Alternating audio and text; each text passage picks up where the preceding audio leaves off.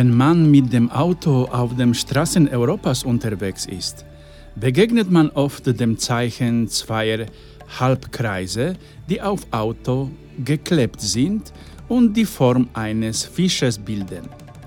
Aus dem Roman Quo Vadis von Henryk Sienkiewicz und vor allem aus der Verfilmung dieses Romans erfahren wir, dass es sich um ein Akrostichon handelt, ein Wort, das aus der Anfangsbuchstaben eines Satzes gebildet werden kann.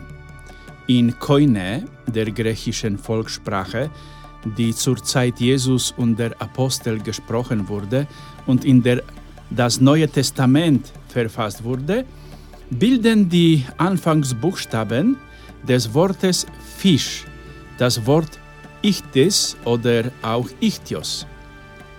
Es bedeutet Jesus Christus, Gottes Sohn, Erlöser.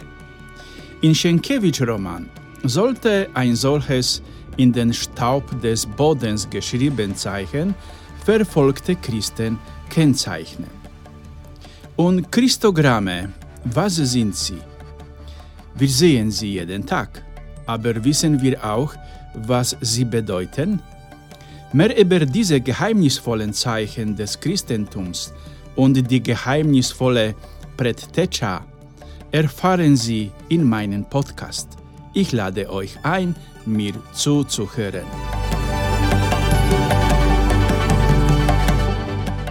Ich bin Bruder Christoph, ich bin ein Kapuziner, der in Innsbruck lebt und ich teile meine Gedanken jede Woche in einem Podcast mit dem Namen Zwei Missionen.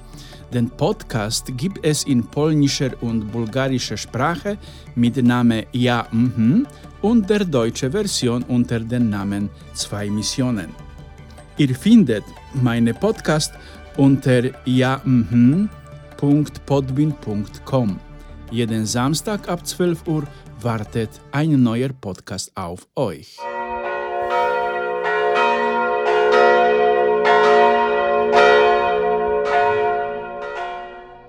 Das Geheimnis der Christogramme oder die Kombination von zwei oder drei Buchstaben sind keine mystischen oder geheimnisvollen Zeichen.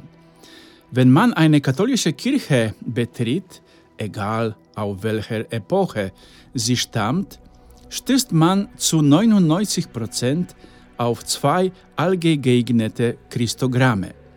Der große Buchstabe P der teilweise von Buchstabe X verdeckt wird, ist das, das sogenannte Chi-Rho-Symbol aus dem Griechischen und verweist auf den Namen des Erlösers.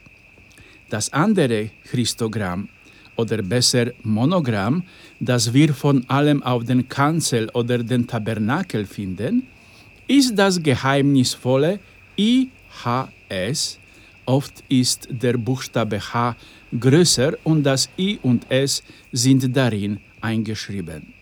Diese Christogramm ist eine Abkürzung aus dem Namen Jesus.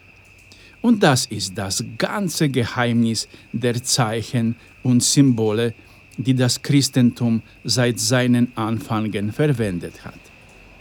Nachdem wir uns mit den Buchstabenzeichen beschäftigt haben, wollen wir uns nun der geheimnisvollen Person der Verkünders zuwenden, den die östliche Tradition Predtecha nennt. Das ist eine Person, der kommt früher vor einen wichtigste Person, der im Zentrum ist. Um wen geht es hier? Natürlich um die Person Johannes des Täufers denn er ist der letzte Prophet des Alten Testaments und wie die östliche Tradition uns sagt, auch der letzte und einzige Verkünder des Erlösers. Johannes der Täufer wird, wie die östliche Tradition uns wissen lässt, auch der Cousin Jesu genannt. Er ist der Held des heutigen Evangeliums. Obwohl Johannes der Täufer die Worte Jesajas zitiert, nimmt er diese Worte wörtlich und ernst. Schauen wir uns also an, was der letzte Prophet euch und mir, den Menschen des 21. Jahrhunderts, sagt. Ich bin vor kurzem von einem weiteren Missionsbesuch in Madagaskar zurückgekehrt. Man braucht ein Auto, um all die Orte zu erreichen, an denen meine madagassischen Missionsbrüder tätig sind. Abgesehen von Madagaskar Hauptstadt Antananarivo sind die Straßen auf diesen größten afrikanischen Inseln in einem sehr schlechten Zustand. Etwa 200 Kilometer nördlich und südlich sowie etwa 100 Kilometer östlich und 50 Kilometer westlich der Hauptstadt ist der Begriff Straße für uns nicht mehr gültig. Dann muss man mit dem Auto durch von Lastwagen ausgefahrene Spurlinien fahren, die bei nächtlichen Stürmen oft von Wasser überflutet werden, ohne zu wissen, ob man durchkommt oder kommt nichts. So kann es passieren, dass das Auto einen zu niedrigen Lufteinlass hat, Wasser in den Motor eindringt und mitten in eine Fahrbahnspalte zum Stehen kommt.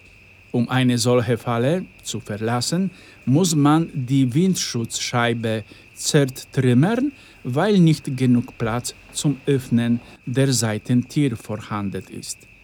Mir ist es nur einmal passiert, dass der Gelenkenwagen meines Mitbruders von Wasser eingeschlossen wurde, aber wir konnten uns befreien. Wir sind 168 Kilometer gefahren und haben mehr als sieben Stunden gebraucht. Aber wie gesagt, es ging nicht um Fahren, sondern darum, sich einen Weg durch schwer befahrbares Gelände zu bahnen. Wenn Johannes der Täufer sagt, ihr sollt den Herrn Wege bereiten und Pfade ebnen, erscheinen mir deshalb immer die Straße von Madagaskar vor Augen. Natürlich spricht Johannes nicht von öffentlichen Straßen. Johannes ermahnt uns, unsere menschlichen Beziehungen zu ändern. Es geht darum, dass wir auf den Erlöser warten, der in einer Gemeinschaft von Gläubigen vorbereitet wird. Johannes der Täufer ruft Israel also zurück zu einem Leben in Vertrauen auf Gott. Nach dem Maßstäben von Gottes Barmherzigkeit und Liebe zu leben, so wie Israel es Gott auf den Berg Tabor versprochen hatte, wo es nach dem Auszug der ägyptischen Sklaverei einen Bund mit Gott schloss. Dieses Abweichen von Gottes Treue führte Israel zum Verlust der politischen Autonomie und zu fortgesetzter Knechtschaft. So fordert Johannes uns, die Menschen des 21. Jahrhunderts, auf, uns auf das Kommen Jesu in Herrlichkeit vorzubereiten. Unser Verhandeln als Christen weicht sehr weit von dem ab, was wir Gott in der Taufe und in den anderen Sakramenten versprochen haben. Indem wir ständig Kompromisse mit den Bösen eingehen, werden die Wege, auf denen Gott uns erreichen muss, immer verschlungener. Gott hatte die Welt vollkommen geschaffen. Es ist der Mensch, der die Welt unerträglich und unannehmbar gemacht hat, so wie sie ist. Alles, was Gott geschaffen hat, ist schön und vollkommen. Deshalb reisen wir um die Welt, um die Natur zu bewundern und die Schönheit zu genießen, die weder der Menschen noch die Natur selbst geschaffen hat. Wenn du dich heute deprimiert fühlst, wenn du denkst, dein Leben sei un unerträglich, dann liegt das daran, dass du selbst entscheiden wolltest, wie du deine eigenen Wege im Leben wählst, dass du nicht auf die Führung hören wolltest, die Gott dir gegeben hat, und dass alles verdreht wurde. Du hast dir eine unerträgliche Welt geschaffen, aber Gott will deine Wege wieder in Ordnung bringen und dich direkt in das Himmelreich führen. Wir müssen nur auf Johannes der Täufer hören und uns verpflichten, die Wege, die uns zu Gott führen, wieder in Ordnung zu bringen. Unser geistliches Leben muss repariert werden, genau wie die Straßen in Madagaskar. Die Entsendung einer Delegation zu Johannes dem Täufer zeugt davon, dass die uns aus den Evangelien bekannten Spötter und Verhöchteten, wie die Pharisäer und Schriftgelehrten, Johannes ernst nehmen. Das bedeutet, dass auch wir auf die Stimme des Johannes hören und anfangen müssen, etwas Sinnvolles in unserem Leben zu tun. Wo fangen wir an? Mit einem Christogramm. So wie wir eine Medaille mit dem Namen eines geliebten Menschen tragen oder diesen Namen auf einen Ring oder ein Armband geschrieben haben, gravieren wir das Hero oder IHS in unseren Herz. Das wird ein guter Anfang sein. Nur Mut, liebe Schwestern und Brüder. Möge der Herr euch Frieden schenken. Amen.